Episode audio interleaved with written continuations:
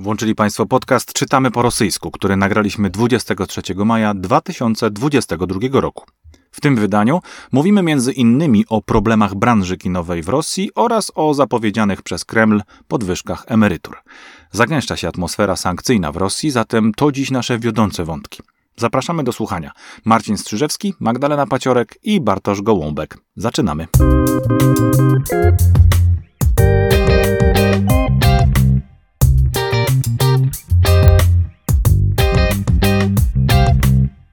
Cześć Marcinie, witam cię bardzo serdecznie.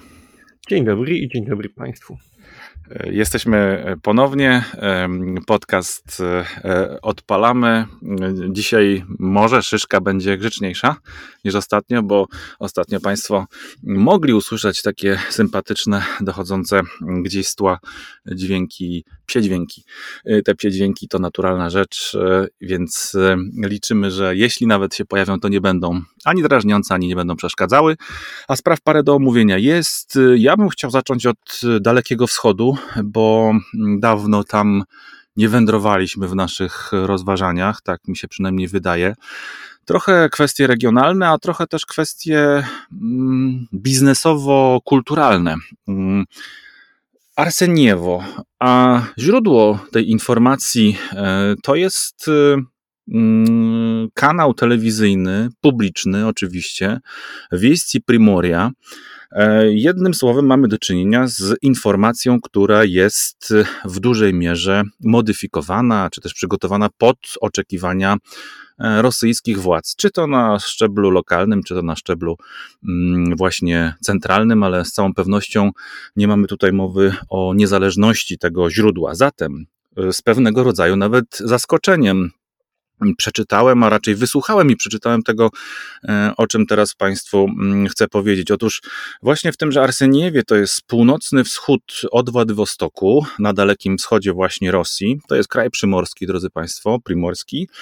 Mm, jeśli byśmy chcieli się zorientować czasowo, to od tej pory, w której Państwo włączyli nasz e, podcast, mm, trzeba byłoby, znaczy do tej godziny trzeba dodać 8 godzin, żeby wiedzieć, e, która godzina jest teraz w Arseniewie, więc łatwo sobie to Państwo przekalkulują. No jest to stosunkowo młode miasto, rzeczywiście, bo jeśli popatrzymy na jego historię, to rozpoczęła się ona raptem na początku wieku XX, a jego populacja liczy około 50 tysięcy. Takich miast, drodzy Państwo, w Federacji Rosyjskiej jest bardzo dużo.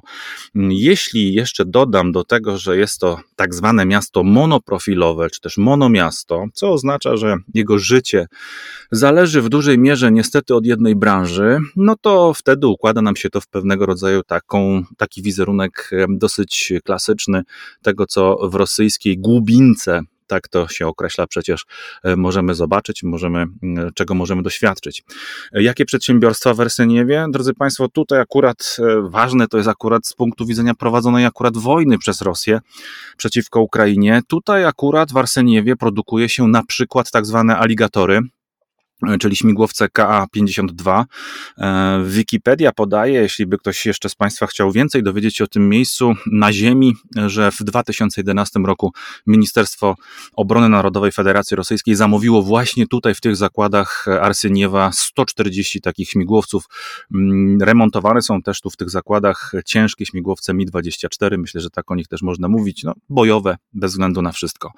O czym jest jednak ten mm, e, materiał, bo mm, nie jest on o życiu przemysłowym miasta, a o kinach, o kinach, o salach kinowych i w ogóle o problemach e, kin, e, które mm, od e, rozpoczęcia wojny zaczynają w Rosji w szerokim kontekście po prostu podupadać.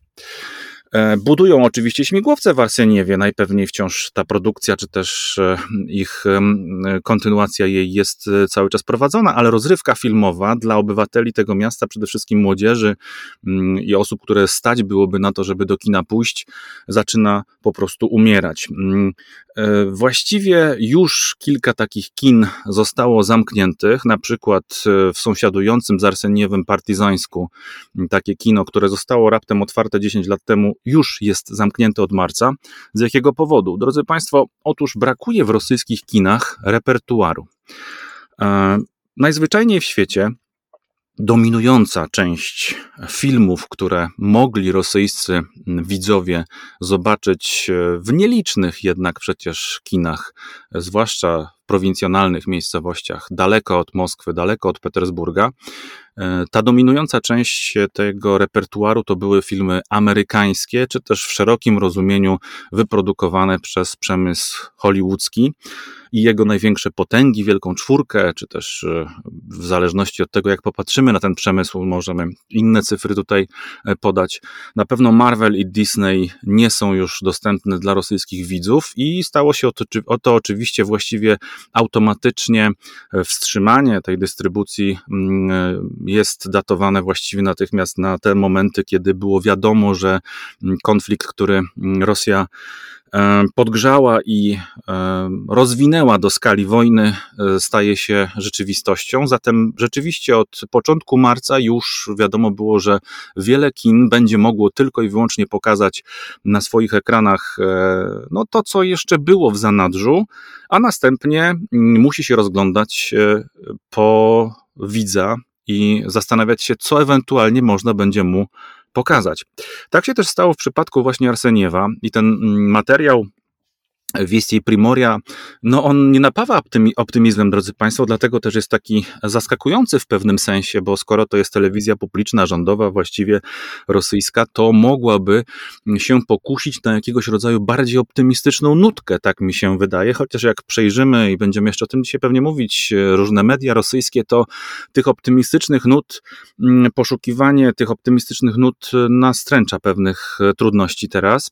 E, wracając do e, kina, w Arseniewie, jak radzą sobie właściciele. Na przykład e, próbują wprowadzić na ekran e, produkcje bollywoodzkie, które są w, w zasadzie w nieograniczony sposób dostępne, ale one akurat nie cieszą się jakąś wielką popularnością u tych widzów, którzy przywykli jednak już do amerykańskich pomysłów e, kreacyjnych, wizji tego, jak film poprowadzić.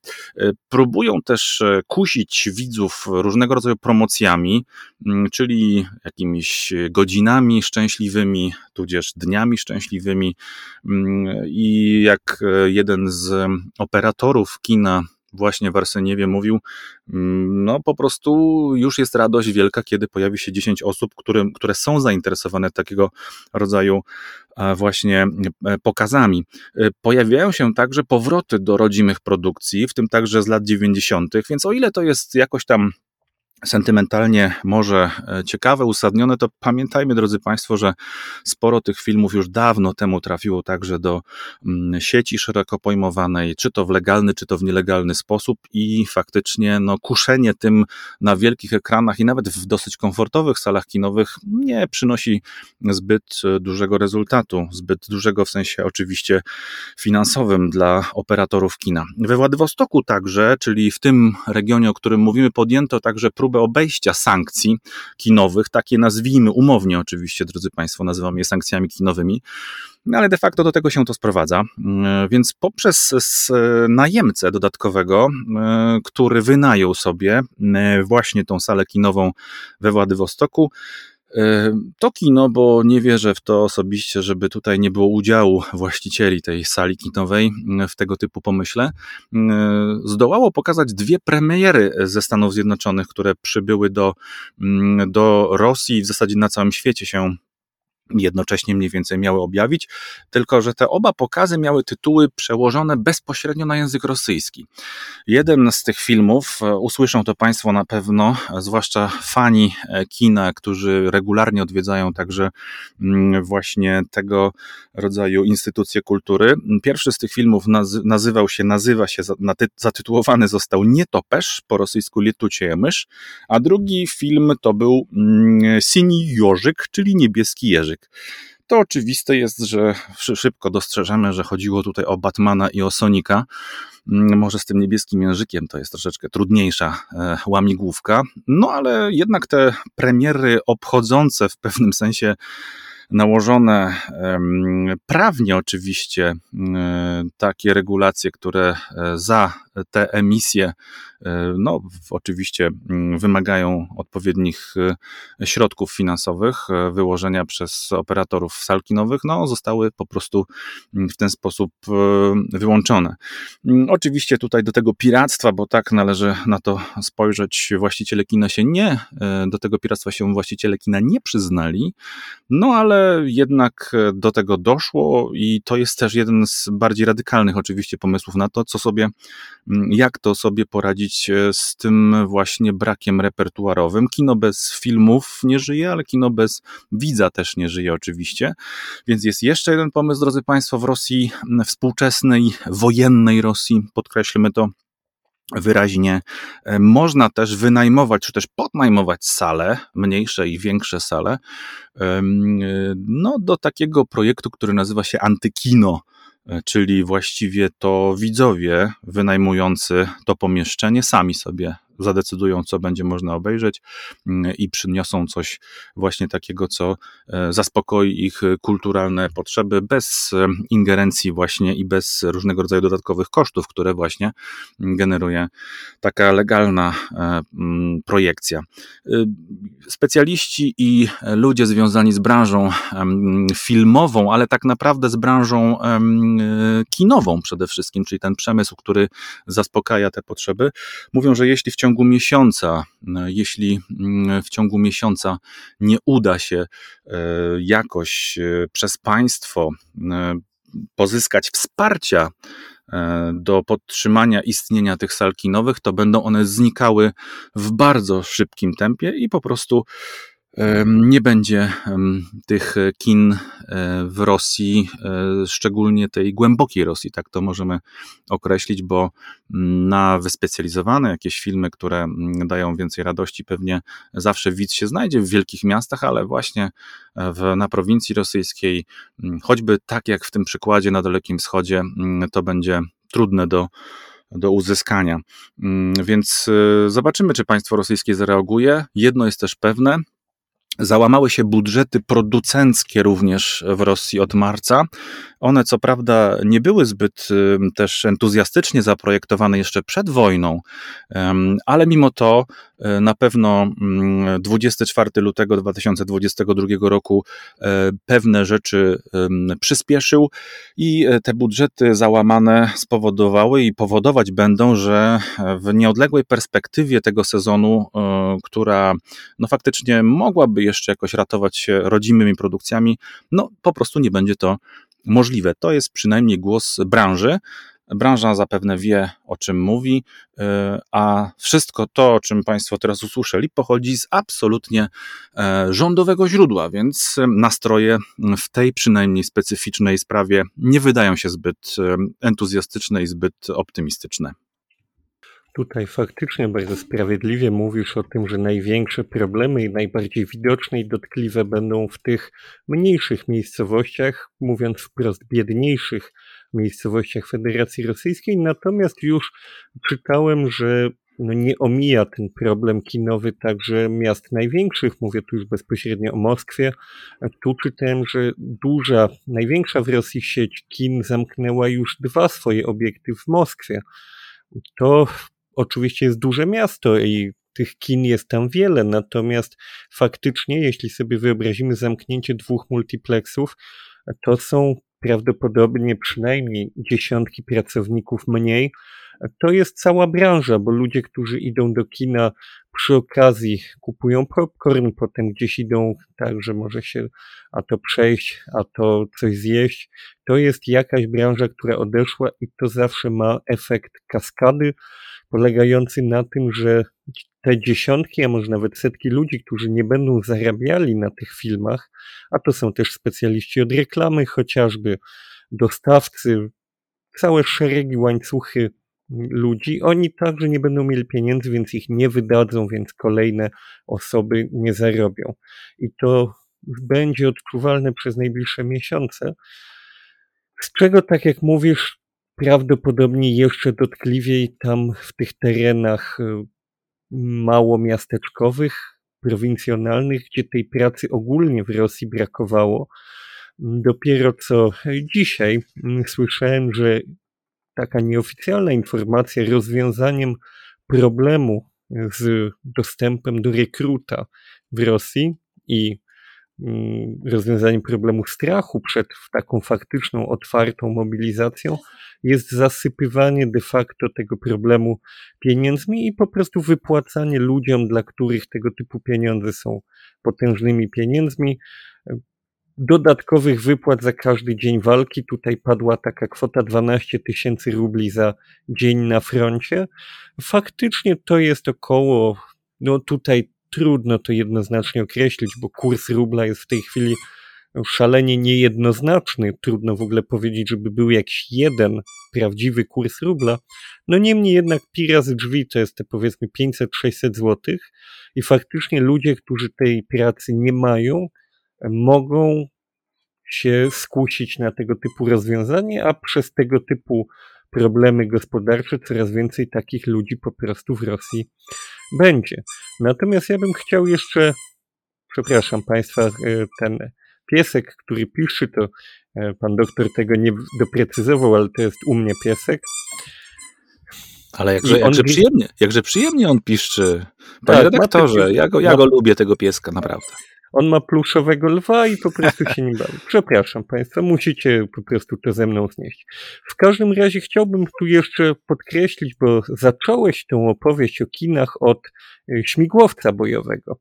K-52 to faktycznie bardzo interesująca maszyna o dość nietypowych mm, cechach budowy, ponieważ on po pierwsze nie posiada tego tylnego rotora, który sprawia, że śmigłowiec się nie kręci w kółko jak bączek, tylko posiada dwa wirniki główne, które się kręcą w różnych kierunkach, a dodatkowo dwóch członków załogi tego śmigłowca siedzi nie jeden za drugim, tylko jeden obok drugiego i to jest taki śmigłowiec faktycznie szturmowy, którego możemy porównywać. Oczywiście tutaj zapewne znawcy tematu wytkną, że to nie jest porównanie doskonałe, bo na pewno te konstrukcje się różnią, ale tak z grubsza do amerykańskiego Apache. I teraz Dodajmy, że to jest bardzo drogi sprzęt, różne szacunki mówią o kwotach tam od 15 do 30 milionów dolarów, tak na szybko patrząc, to już nie jest najważniejsze, bo to zależy od wielu czynników, która to była partia produkcyjna, jakie duże zamówienie, mniejsza z tym po prostu drogi sprzęt. I teraz przejdźmy do meritum, to znaczy mamy potwierdzonych przez blok Oryx, to znaczy takich strat, które są faktycznie udowodnione w wiarygodny sposób, 13 sztuk takich śmigłowców, z czego tutaj już z kolei w sposób niepotwierdzony mamy także informację, że w niektórych przypadkach przemysł polski wygrał z tym przemysłem rosyjskim, w tym sensie, że do niektórych strat miało dojść za sprawą polskiego systemu przeciwlotniczego Piorun, takiego lekkiego e, klasy Manpads, czyli przenoszonego przez pojedynczego żołnierza. Także możemy tutaj mm, także być do pewnego stopnia, choć to jest oczywiście trudny temat. Chciałem powiedzieć, że możemy być dumni z polskiego przemysłu i oczywiście to jest dobra sprawa, bo kraj się broni przed napaścią, no natomiast ja bym też chyba nie chciał mówić, że możemy być dumni z mimo wszystko zabijania ludzi, prawda? Więc to są trudne wojenne tematy. Niemniej jednak, skoro już padł temat tego śmigłowca, to warto właśnie rzucić parę dodatkowych zdań na jego temat, bo to ciekawa maszyna, która faktycznie odgrywa e, swoją rolę w tym konflikcie w tej chwili. No właśnie, a dzieci y, i młodzież y, mm, tutaj będą wiedziały z całą pewnością y, i wiedzą, jakiego rodzaju sprzęt jest produkowany. Myślę, że mniej będą wiedziały, do czego on jest produkowany, niestety, ponieważ ta propaganda w szkołach jest zupełnie odwrócona i te aligatory, e, oczywiście, pewnie w ich mniemaniu, w mniemaniu ich bliskich, którzy pracują w tych zakładach, no to są aligatory, czyli śmigłowce KA-52, przypominamy, które bronią mm, Ukrainy e, przed e, nazistami i nacjonalistami, albo raczej nie Ukrainy, ale po prostu Ukraińców rosyjskojęzycznych nie tylko rosyjskojęzycznych. E, jednakże no, z kina będą musieli chwilowo zrezygnować i e, zresztą wyraźnie widać, że tutaj przecież nałożyło się kilka spraw, jeśli chodzi o ten e, przemysł, jak się nieładnie go czasami nazywa.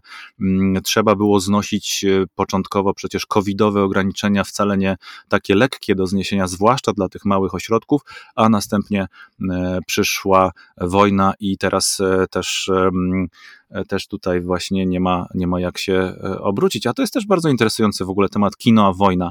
Mm, w każdym razie Magda Paciorek, która mm, szuka dla nas ciekawostek językowych i przypomnę Państwu, uważnie czyta wszystkie teksty razem z nami, tylko że robi to samodzielnie pod kątem słownikowym.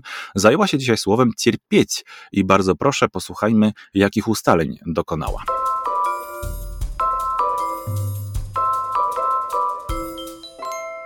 Mam dla Was ciekawe wyrażenie ze słowem cierpieć. W artykule o przemyśle filmowym pojawia się fraza cierpieć ubytki, czyli ponosić straty. Приморские залы терпят колоссальные убытки из-за резкой смены репертуара. Nadmorskie sale ponoszą kolosalne straty z powodu drastycznej zmiany repertuaru. Czasownik cierpieć, pacierpieć raczej nie przetłumaczymy słowem cierpieć, ale słowami znosić coś, tolerować, wytrzymywać. Chyba, że w takim kontekście i sprzeczeniem. Ja tego cierpieć nie mogę. Nie cierpię tego. Nie mogę tego ścierpieć. Jak już jesteśmy przy tym czasowniku, to dodam do tego jeszcze jedną frazę. Cierpieć nieudaczu. Ponieść klęskę, porażkę. Możemy jej użyć na przykład w zdaniu on nie przywykł cierpieć nieudaci. On nie przywykł do niepowodzeń. Podsumowując, czasownik cierpieć używamy, gdy chcemy powiedzieć o tym, co musimy znosić, tolerować, czyli straty, niepowodzenia, klęski, ból i inne nieprzyjemności.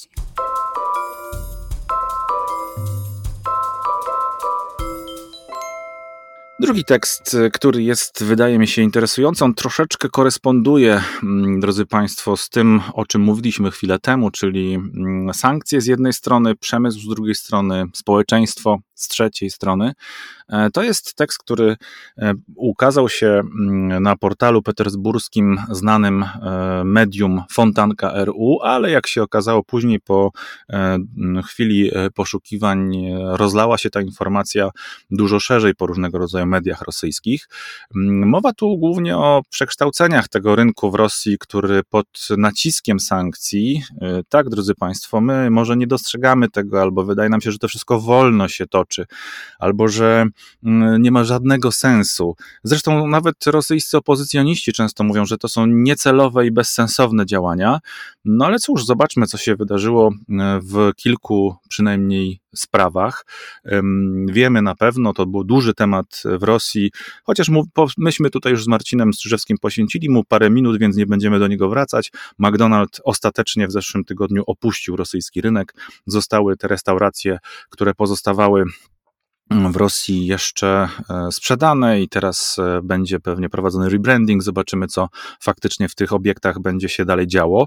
E, dzisiaj dowiedzieliśmy się, że z takich oczywiście mówię o takich flagowych, symbolicznych, może bardziej niż flagowych mm, biznesach amerykańskich czy globalnych. Starbucks także ostatecznie żegna się z Rosją. Pamiętajmy, na początku były to zawieszenia. I jednym z takich zawieszeń, drodzy Państwo, także było wstrzymanie sprzedaży i dostaw e, polskiej marki mm, rynku odzieżowego, mm, znanej Państwu z całą pewnością w większości. Jeśli ktoś nie zna, to ma szansę też zerknąć sobie, mm, czy to do sieci, czy to do innych e, miejsc, e, ale chodzi o gdańskiego e, producenta LPP, który od 20 lat, drodzy Państwo, był obecny na rosyjskim rynku. Być może nie mówi Państwu zbyt wiele ten skrót LPP, ale jeśli już podałbym kilka marek, które w centrach handlowych Polski, ale też Europy, w sumie świata trzeba powiedzieć, bo to prężnie działający biznes ewidentnie. E, jeśli podam takie nazwy jak Reserved, Crop, House czy Sinsei, to być może Państwo będą wiedzieli już lepiej e, o kogo chodzi. Otóż to gdańskie przedsiębiorstwo 4 marca dokładnie tego roku, czyli kilka dobrych dni, no kilka dni po mm, wybuchu wojny, e, wydało oświadczenie o zawieszeniu działalności operacyjnej na terenie Federacji Rosyjskiej i wstrzymaniu dostaw e, swoich towarów do Rosji. A 19 maja, czyli właśnie w ubiegłym tygodniu, przypominam, że my śledzimy e, w każdym z naszych odcinków informacje z ubiegłego tygodnia, właśnie, więc 19 maja w specjalnym komunikacie zarządu spółki e, wyczytaliśmy, iż sprzedaje ona swoją spółkę córkę pod nazwą Retrading chińskiemu konsorcjum Nazwa tego konsorcjum nie została podana, mm, ale Ciekawie zostały w tym komunikacie opisane warunki, w których się to odbyło. Otóż nowy właściciel retradingu ma prawo do wyprzedania pozostałych e, w tych sklepach i magazynach rosyjskich towarów, ale bez zachowania, bez możliwości zachowania ich nazw i znaków towarowych. E, mogą Państwo sobie spokojnie E, dotrzeć do tego e, właśnie, mm, do tego właśnie komunikatu e, zarządu spółki. Zresztą ja próbowałem też w naszym imieniu pozyskać komentarz od spółki i bardzo dziękuję biuru prasowemu za wskazanie w ogóle, gdzie ten komunikat, bo on tak może na powierzchni nie jest, a rosyjskie media, właśnie Fontanka między innymi powoływała się na tekst, który został w ten sposób okazany publicznie. Fontanka Szklanka napisała o e, zmianie e, struktury własnościowej, ale napisała też coś więcej, ponieważ e, redaktorzy są na miejscu i widzą, co się dzieje. I można tutaj dostrzec taką oto operację, którą znawcy marketingu na pewno doskonale zrozumieją i też na pewno to Państwo też dobrze zinterpretują. Jest to takie swoiste mrugnięcie oka do klienta, bo faktycznie chiński nabywca o nieznanej nazwie może sprzedawać dalej te produkty, które zostały w sklepach, ale musi zmienić ich e, brandy i już wiadomo, w jakim kierunku to poszło. Otóż e, marka dotychczasowo tak istniejąca w Rosji Krop będzie pracowała jako CR, marka Reserved będzie e, RE, House to będzie House XC, a Sinsei to jest SIN rosyjskimi literami pisane. Mojito zaś to też marka LPP będzie oznaczona lakonicznym M. Tak podaje przynajmniej Fontanka. To już są zapewne decyzje e, chińskiego nabywcy e, lub też nowego właściciela, bo raz jeszcze powtórzę, nie dowiedzieliśmy się e, niczego o nazwie nowego mm, właściciela tych sklepów i tych ośrodków. Mm, I chcę też powiedzieć tutaj w tej sprawie, że tą informację, wydaje mi się przynajmniej, to jest intuicja, z wielką ulgą podchwycił taki słynny portal, już też o nim Państwu mówiliśmy, który mm, powstał E, właśnie ze względu na sankcyjny, sankcyjną atmosferę w Rosji. Mm, to jest e, portal, który nazywa się Abjasniajem RF, czyli Wyjaśniamy RF.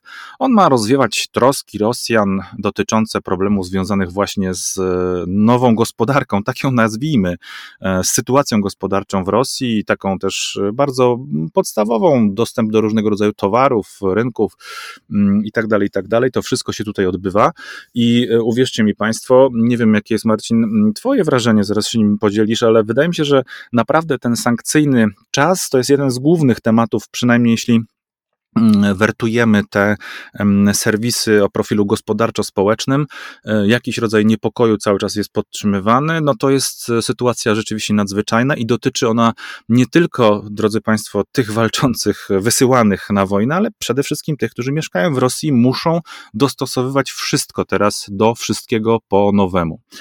Co do LPP, wracając do tej, do tej mm, firmy i do tego, co mm, ustaliła Fontanka, to w Rosji e, posiadała ta mm, firma 533 sklepy, niebagatelna, e, słyszą to Państwo na pewno liczba. Według Fontanki też ten rosyjski rynek LPP wynosił to już z raportów na pewno biznesowo około 19% dochodu. Co się dzieje z innymi markami, zastanawiają się Państwo. Zupełnie słusznie też też sobie to pytanie zadawałem i zadaję je również Fontanka, co spieszę Państwu też wyjaśnić. Otóż mm, na przykład taki znany mm, sportowy producent jak Reebok, e, posiadający w Rosji 100 sklepów, sprzedał je wszystkie tureckiemu e, Flow Retailing, e, a inne duże, znane też w Europie marki mm, pozostają w pewnym oczekiwaniu obserwacji tej sytuacji, która się właśnie kreuje.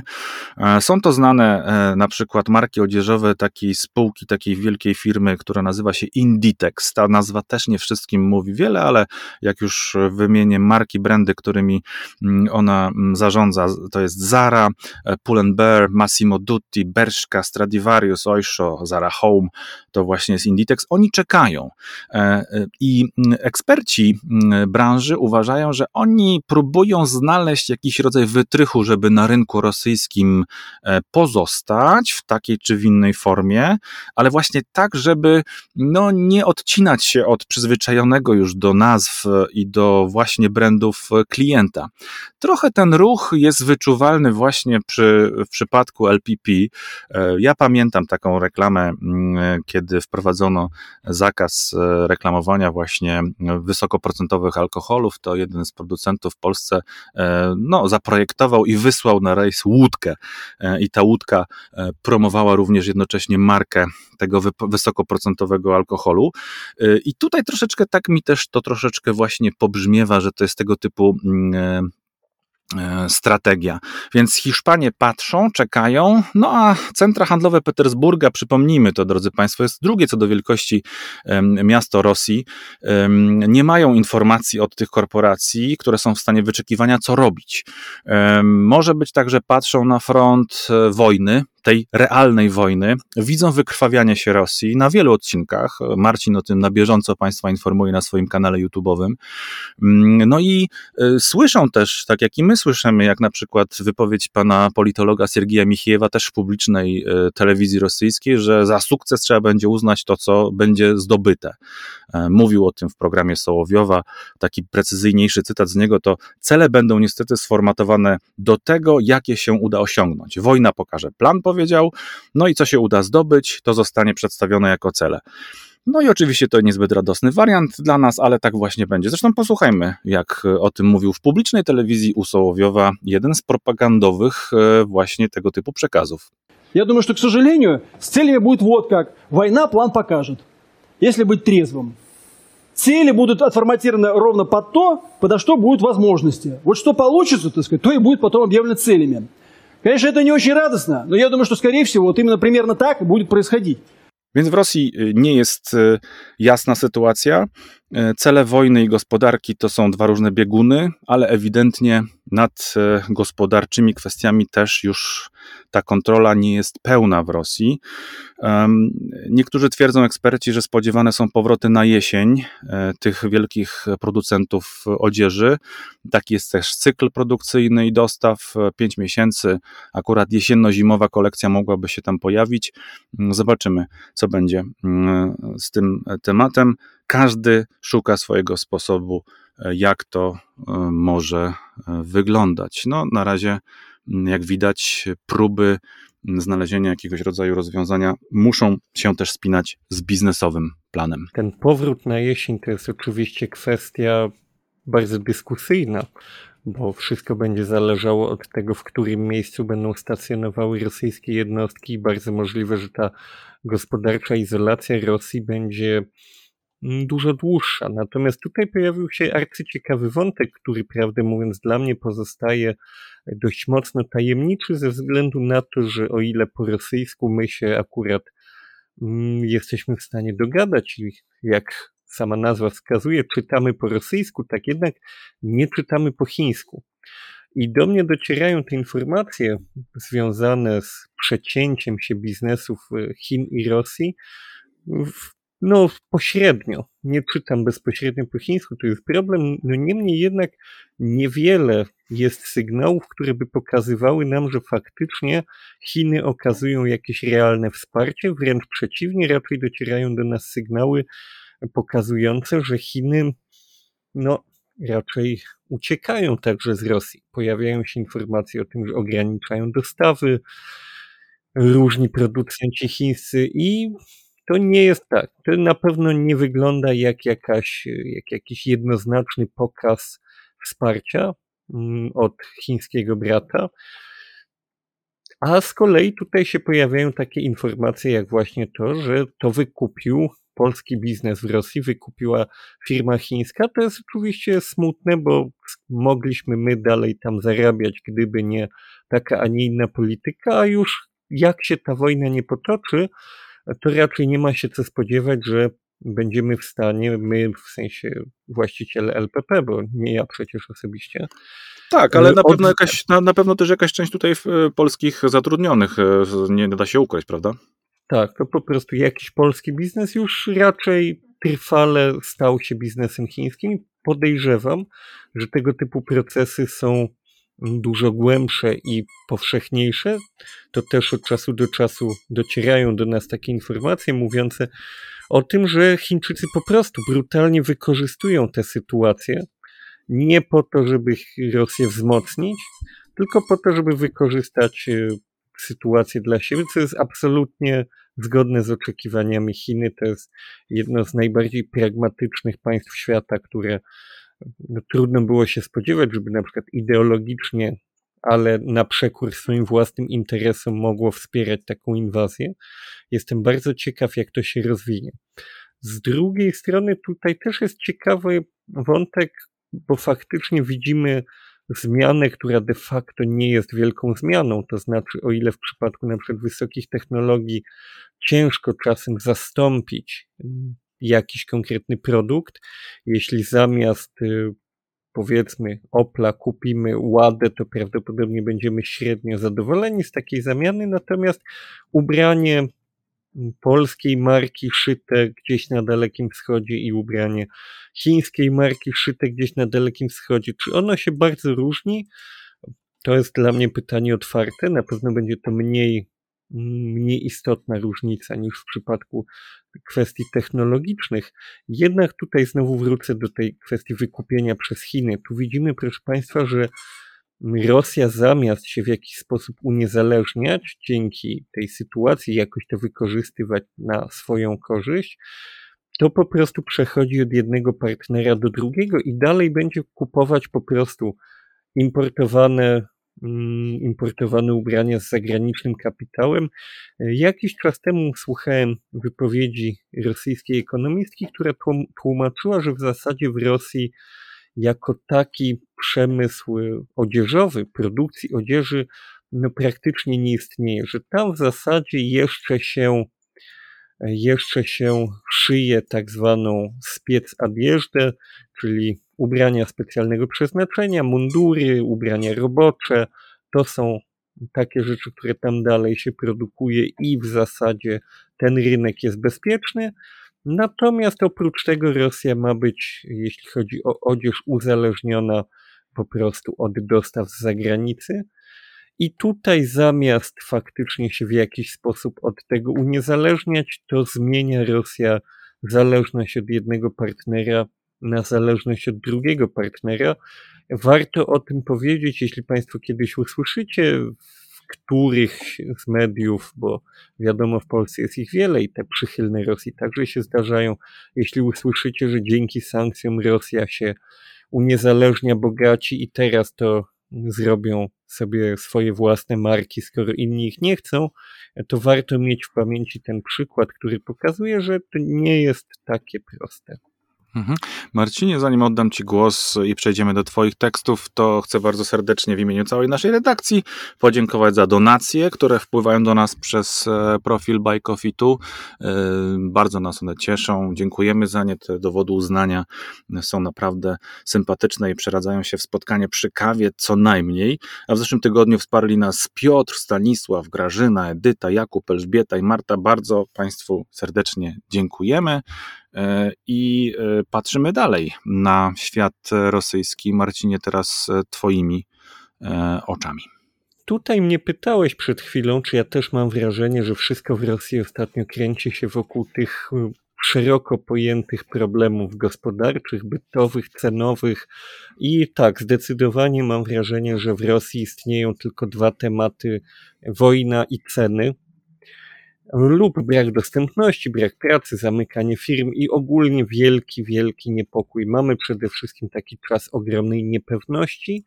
I teraz jest jeden taki przykład działania sankcji, który, proszę Państwa, wybrałem, bo jest wyjątkowo kuriozalny. Otóż z półek sklepowych w Rosji zniknęły produkty marki Ruskoje Morie, czyli rosyjskie morze, możemy tak to przetłumaczyć.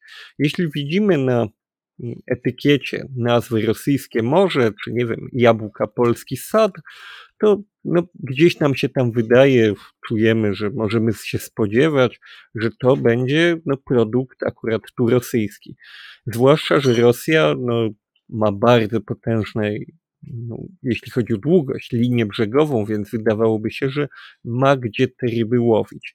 tymczasem, jak zbadali mm, dziennikarze Komersanta, brak w sklepach łososia od firmy, od marki Rusko Jemorie, bo firma tu jest inna, firma nazywa się Santa Bremor, wynika z tego, że właśnie ta firma, która jest firmą białoruską, mm, przestała otrzymywać dostawy łososia norweskiego.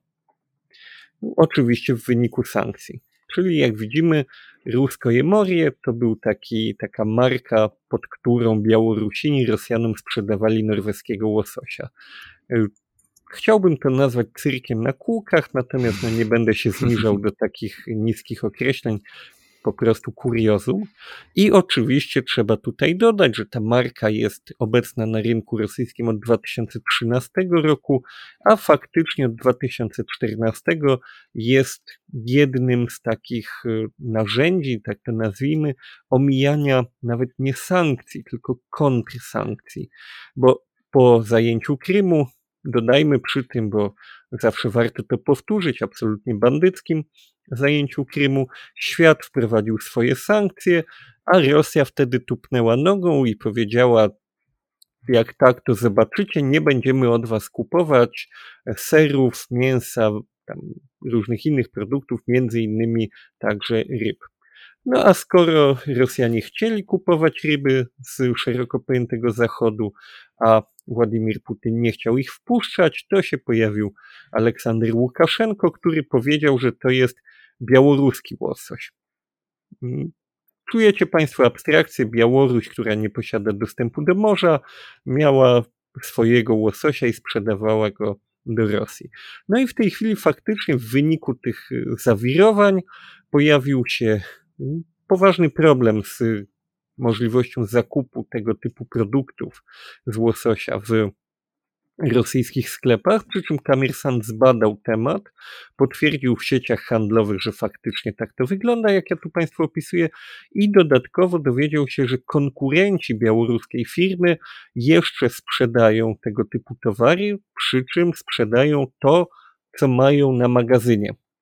I jak się te zapasy wyczerpią, to no właśnie, trudno powiedzieć, co się wtedy wydarzy. Po, pojawiły się tutaj informacje nie w pełni aktualne sprzed dwóch lat, natomiast raczej pokazujące nam pewną skalę tego, mm, nazwijmy to tej produkcji. Według tych danych na 114 tysięcy ton łososia sprzedawanego w Rosji, 99 tysięcy ton rocznie to był łosoś importowany, no, czyli zdecydowana większość, chociaż Rosjanie mają swoje akwakultury łososia, bo tak jak mówię, no, mają gdzie hodować ryby, to wybrzeże rosyjskie jest przecież, e, ma, liczy sobie dziesiątki tysięcy kilometrów, no może może przesadziłem. No tak czy inaczej. Tysiące, tak. Tysiące, tysiące myślę, że moglibyśmy zaryzykować. Tak, tak. Mhm. Licząc tymi zawijasami ustalę to może na przyszły tydzień, bo teraz jest mi trochę głupio. Niemniej jednak, no to jest y, niewielka, skromna liczba y, tego łososia i jest tu kolejny problem, ponieważ no nie cały łosoś, który trafia do Rosji pochodzi z Norwegii. Są inni dostawcy, jest Daleki Wschód, jest Ameryka Południowa, tutaj jednak pojawiają się kolejne problemy, bo takiego łososia z takich dalekich krajów trzeba dowieść. Dzieje się to zazwyczaj mm, poprzez transport morski, z którym Rosja ma kolejne problemy, polegające innymi na tym, że przewoźnicy nie chcą przyjmować towarów płynących do Rosji, a statki rosyjskie mają problem z tym, żeby ktoś się chciał ubezpieczyć. Mają problem z tym, to już jest wiadomość z innych tekstów, ale czytamy o tym nieustannie, więc znamy sytuację. Problemy na przykład są z tym, że um, autorzy map nawigacyjnych nie chcą aktualizować w rosyjskich statkach transportowych tych map i to tworzy problem, bo bez takich aktualnych map niektóre porty po prostu nie chcą zgodnie z procedurami międzynarodowymi wypuszczać takich okrętów statków w morze. Więc faktycznie tu się pojawiają problemy i jeszcze kolejny problem, który utrudnia taki handel, to jest problem z płatnościami międzynarodowymi. Wiemy, że wiele banków zostało rosyjskich odłączonych od międzynarodowych systemów płatności, więc sprzedawcy, na przykład południowoamerykańscy ryby mają, rosyjscy klienci sklepów ryby chcą kupić, ale nie bardzo mają e, te dwie strony, jak przekazać sobie pieniądze.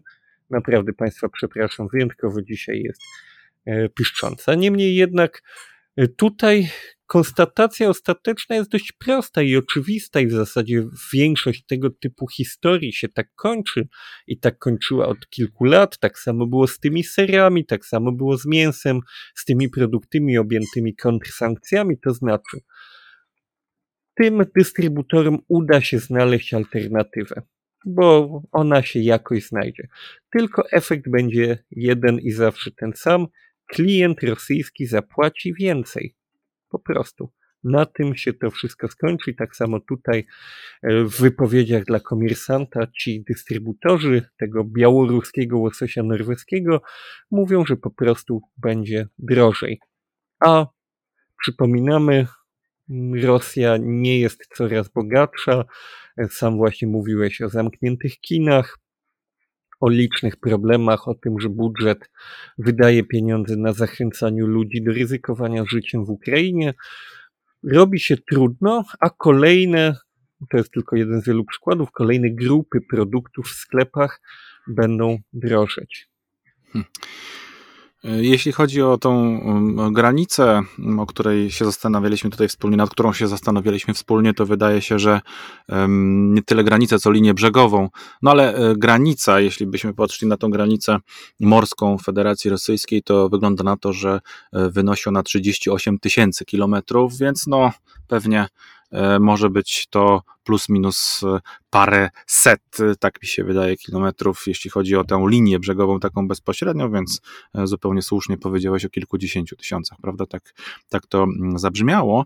No Białorusini słynęli i słyną z tego, że byli takim hubem, taką, takim filtrem, katalizatorem mm, tych sankcyjnych tematów związanych z kontrsankcjami, o których słusznie powiedziałeś, że rzeczywiście ten ser czy też jabłka przekraczające granice Białorusi stawały się białoruskimi i to doskonale potrafili ludzie Łukaszenki mm, wykorzystać. Y, myślę, że Norwegia tutaj zupełnie naturalny, w naturalny sposób y, myślę, że może też w pewnym momencie mm, jakoś się y, odnaleźć w tej trudnej dla siebie sytuacji, bo to wszystko mogą być też takie czasowe zawieszenia, wyłączenia. One mają symbolizować pewnego rodzaju postawę, moralną, etyczną, jednak tak na to patrzmy.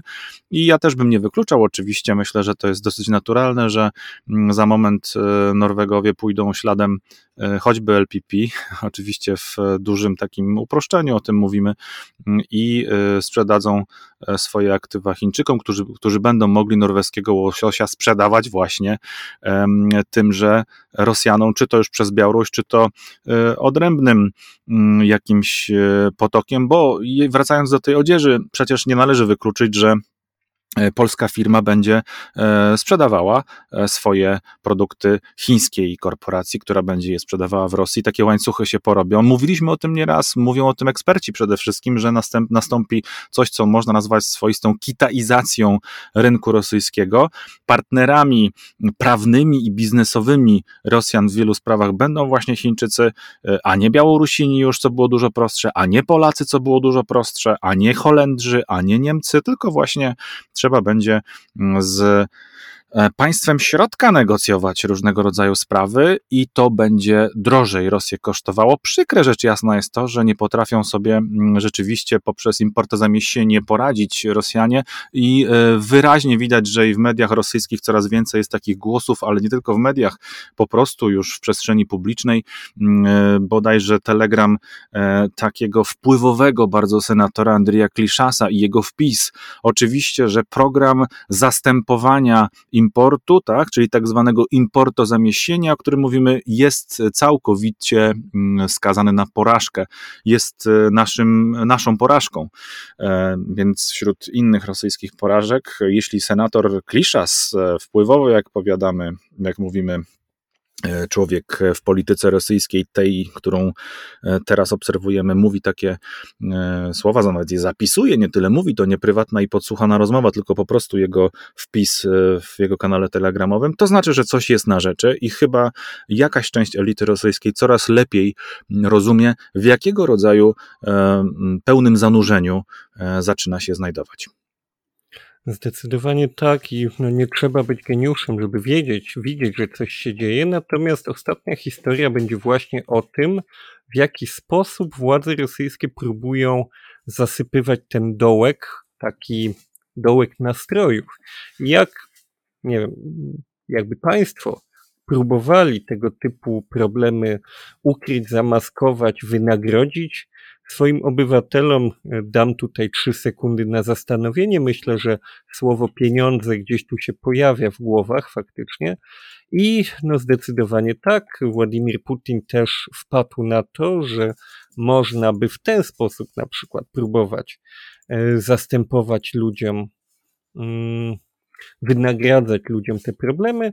I już w marcu on zapowiadał podniesienie wypłat socjalnych. To jest w ogóle arcy ciekawy temat, to znaczy w tym, w tej informacji, w, tej, w tym artykule, który tutaj czytałem, zostało to tak opisane, mowa jest o podwyżkach emerytur, że generalnie jest szansa dla wszystkich emerytów na podwyżkę, ale no ci dostaną, ci może dostaną, a tu będzie zależało od tego, jak obietnice prezydenta będą realizowane.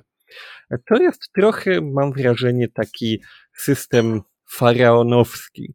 Faraon, Bóg Słońce, Ra coś tam powiedział na szczycie piramidy, a teraz y, będziemy interpretować słowa tego bóstwa i na, jej, na tej podstawie gdzieś tam będziemy zgadywać, czy będzie urodzaj i czy emeryci dostaną trochę więcej, czy trochę mniej.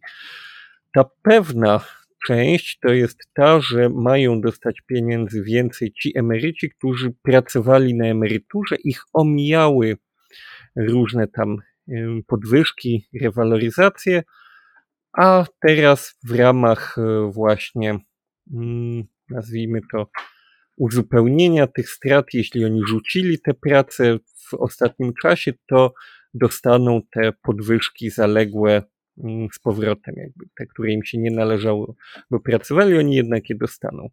Być może także ci, którzy nie rzucili tej pracy, także je dostaną, ale tu już znowu to zależy od interpretacji i być może także pojawią się podwyżki związane właśnie z tymi ogólnymi mm, powiększeniami dotyczącymi szeroko pojętych wypłat socjalnych. Może się zmienić e, tak zwany prażytoczny minimum, czyli minimum potrzebne do przeżycia.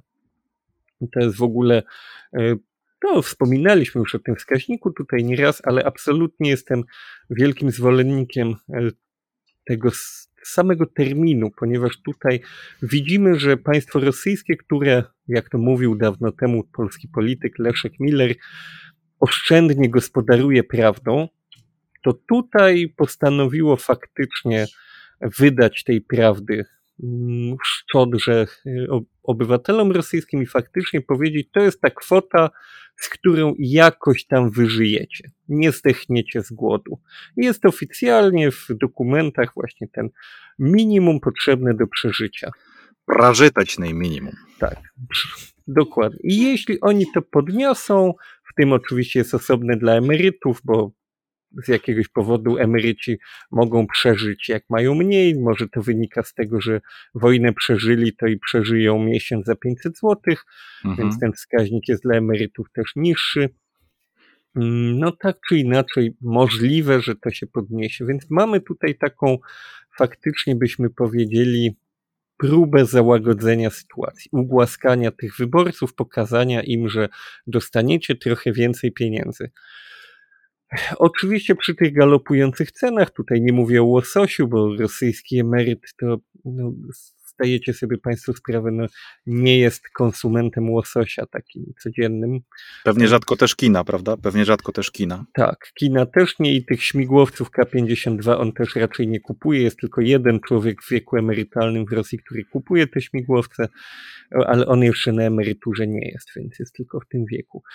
Mm, ale faktycznie oni e, według takich oficjalnych, uśrednionych danych dysponują miesięcznym budżetem na poziomie 16 884 rubli. To jest taka średnia, biorąca pod uwagę zarówno zarówno emerytury, jak i to, co u nas się nazywa rentą, czyli nie tylko ci, którzy przepracowali wystarczająco długo, żeby dostać emeryturę, ale też na przykład, nie wiem, mieli męża, który pracował, a ten mąż umarł, wdowy na przykład dostają takie, e, to się nazywa pensja po utracie karmilca, jeśli dobrze pamiętam. E, więc to jest taka ogólna średnia, ta, ta średnia emerytury mm, dla tych, którzy osobiście pracowali, jest minimalnie wyższa, ale to jest około 18 tysięcy rubli.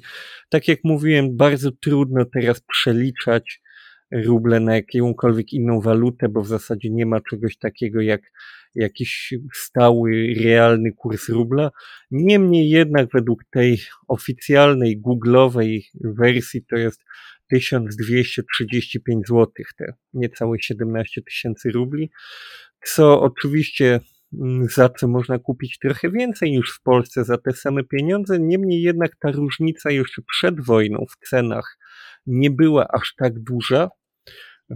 Badałem ten temat, no było taniej, ale to było 20%, może 30%, w zależności od rodzaju produktów. To nie była jakaś dwukrotność czy trzykrotność. A w tej chwili ta sytuacja się drastycznie w Rosji pogarsza. Także faktycznie rosyjscy emeryci mają problemy. Natomiast y, jeszcze tutaj dodajmy właśnie 16, niecałe 17 tysięcy rubli na miesiąc, podczas gdy według tych nieoficjalnych przecieków y, rekrut ma dostawać 12 tysięcy rubli dziennie. Nie o to chodzi, że ja żałuję tym rekrutom, choć, choć trochę żałuję, no bo dostają pieniądze za zabijanie ludzi w niesprawiedliwej wojnie. Niemniej jednak y, widzimy, jaka jest moc przyciągania tej gotówki, o której wcześniej mówiłem, jeśli taki człowiek jest w stanie dwa dni zarobić więcej niż jego dziadek dostaje na przeżycie miesiąca. Rozumiecie Państwo, jaka to jest pokusa, bo taki młody człowiek, który może iść na tę wojnę, ma w głowie, że on może w końcu kupić dziadkowi nową protezę zębów, spłacić długi, mm, na przykład za mieszkanie babci, nie mówiąc o swoim, tutaj pojawił się też swoją drogą ciekawy, ciekawy takie zestawienie. Mm, śledczy dziennikarze rosyjscy zrobili bazę 160 nazwisk rosyjskich, y, rosyjskich oficerów biorących udział w wojnie w Ukrainie i jak się okazało według ich danych, ogromna część z nich to byli ludzie, którzy mieli po prostu, przypomnę, oficerowie wojska rosyjskiego długi długi związane z alimentami, długi związane z opłatami komunalnymi, mieszkaniowymi. Więc faktycznie to wszystko nam się tutaj splata w jakiś taki mm, jeden wielki obraz kraju, który, mówiąc wprost, źle traktuje ludzi, kraju, który doprowadził do pogłębiającego się i w zasadzie rozpędzającego dopiero kryzysu ekonomicznego, który także żeruje na znowu mówiąc brutalnie wprost, na biedzie ludzi, żeby ich wykorzystywać do swoich celów czysto wojennych.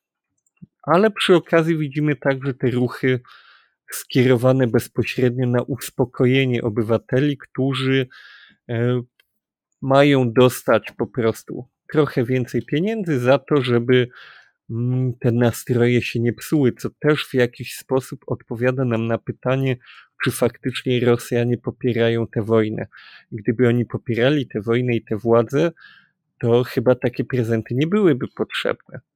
A z drugiej strony, nawet w takiej sytuacji, gdyby, by, gdyby popierali, to byłyby potrzebne, bo za chwilę im faktycznie no nie starczy do pierwszego. Już emerytom rosyjskim to ja sam nie rozumiem, w jaki sposób im starcza do pierwszego, badając te wypłaty, patrząc na te ceny, ja nie bardzo jestem w stanie zrozumieć, jak ci ludzie żyją. Chyba faktycznie to są te mityczne ogródki działkowe na daczy, gdzie mają ziemniaki i, i to im pomaga jakoś przetrwać.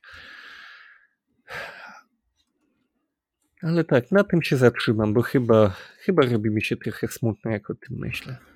To jest wszystko smutne, Marcinie, i to bardzo, bardzo mocno smutne. Tak sobie też myślałem, kiedy mówiłeś o tych wnukach, którzy być może zechcieliby wesprzeć dziadka lub babcię e, w ich nieszczególnie szczęśliwym położeniu e, ekonomicznym no to oczywiście byłoby to możliwe i to piękne, idealistyczne rozwiązanie, nawet w tej niesprawiedliwej wojnie, jeśli mogliby te pieniądze dostarczyć, o ile nie staliby się mm, ładunkiem 200 lub bardzo ciężkim 300, prawda? E, bardzo szybko po tym, jak dotarliby na front, a o tym słyszymy coraz szerzej i częściej z różnego rodzaju mediów. BBC Russian podawało w ubiegłym tygodniu w swoim dużym reportażu o tym, że prowadzona jest mm, ta potajemna mobilizacja. W Rosji płoną miejsca, w których e, prowadzi się rekrutację. To myślę, nie możemy tego poczytywać jako pewnego rodzaju entuzjazmu wobec tej mobilizacji również, bez względu na przyczyny tych pożarów oczywiście i ich źródła.